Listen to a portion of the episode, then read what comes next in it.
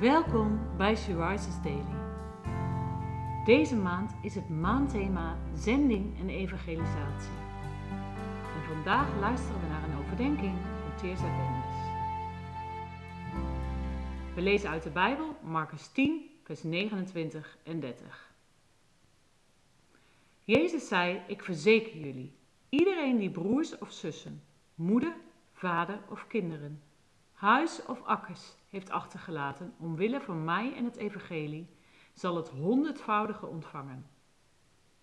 In deze tijd, broers en zussen, moeders en kinders, huizen en akkers, al zal dat gepaard gaan met vervolging. En in de tijd die komt, het eeuwige leven. Om de Here te volgen hebben de discipelen alles van hun oude leven achtergelaten. Jezus draait onze verwachtingen altijd radicaal om. Wat wij zien als lijden en pijn, rekent Hij ons als zegen toe. Lees maar in Matthäus 5, vers 3 tot 12. De eerste zullen de laatste zijn.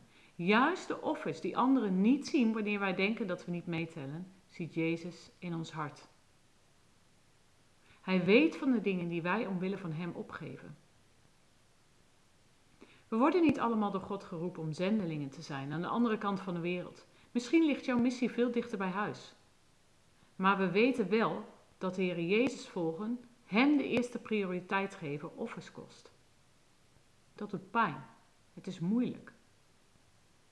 Zeker als je familie en geliefden je geloof niet delen. Of als je voor Hem je aardse comfort moet loslaten. Maar in deze versen lezen we ook meteen een belofte. Na de tijd van lijden komt het eeuwige leven met Hem. Moet jij dingen loslaten omwille van het Evangelie? Zijn er offers die je moet brengen?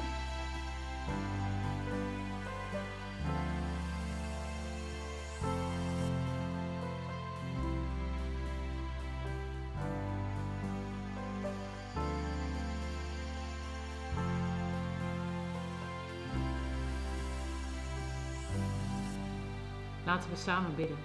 Heer Jezus, dank u wel voor uw offer, dat alles wat ik achter moet laten honderdvoudig overstijgt. Zegen me met uw geest. Maak me bereid en gewillig om u te volgen, wat het ook mag kosten.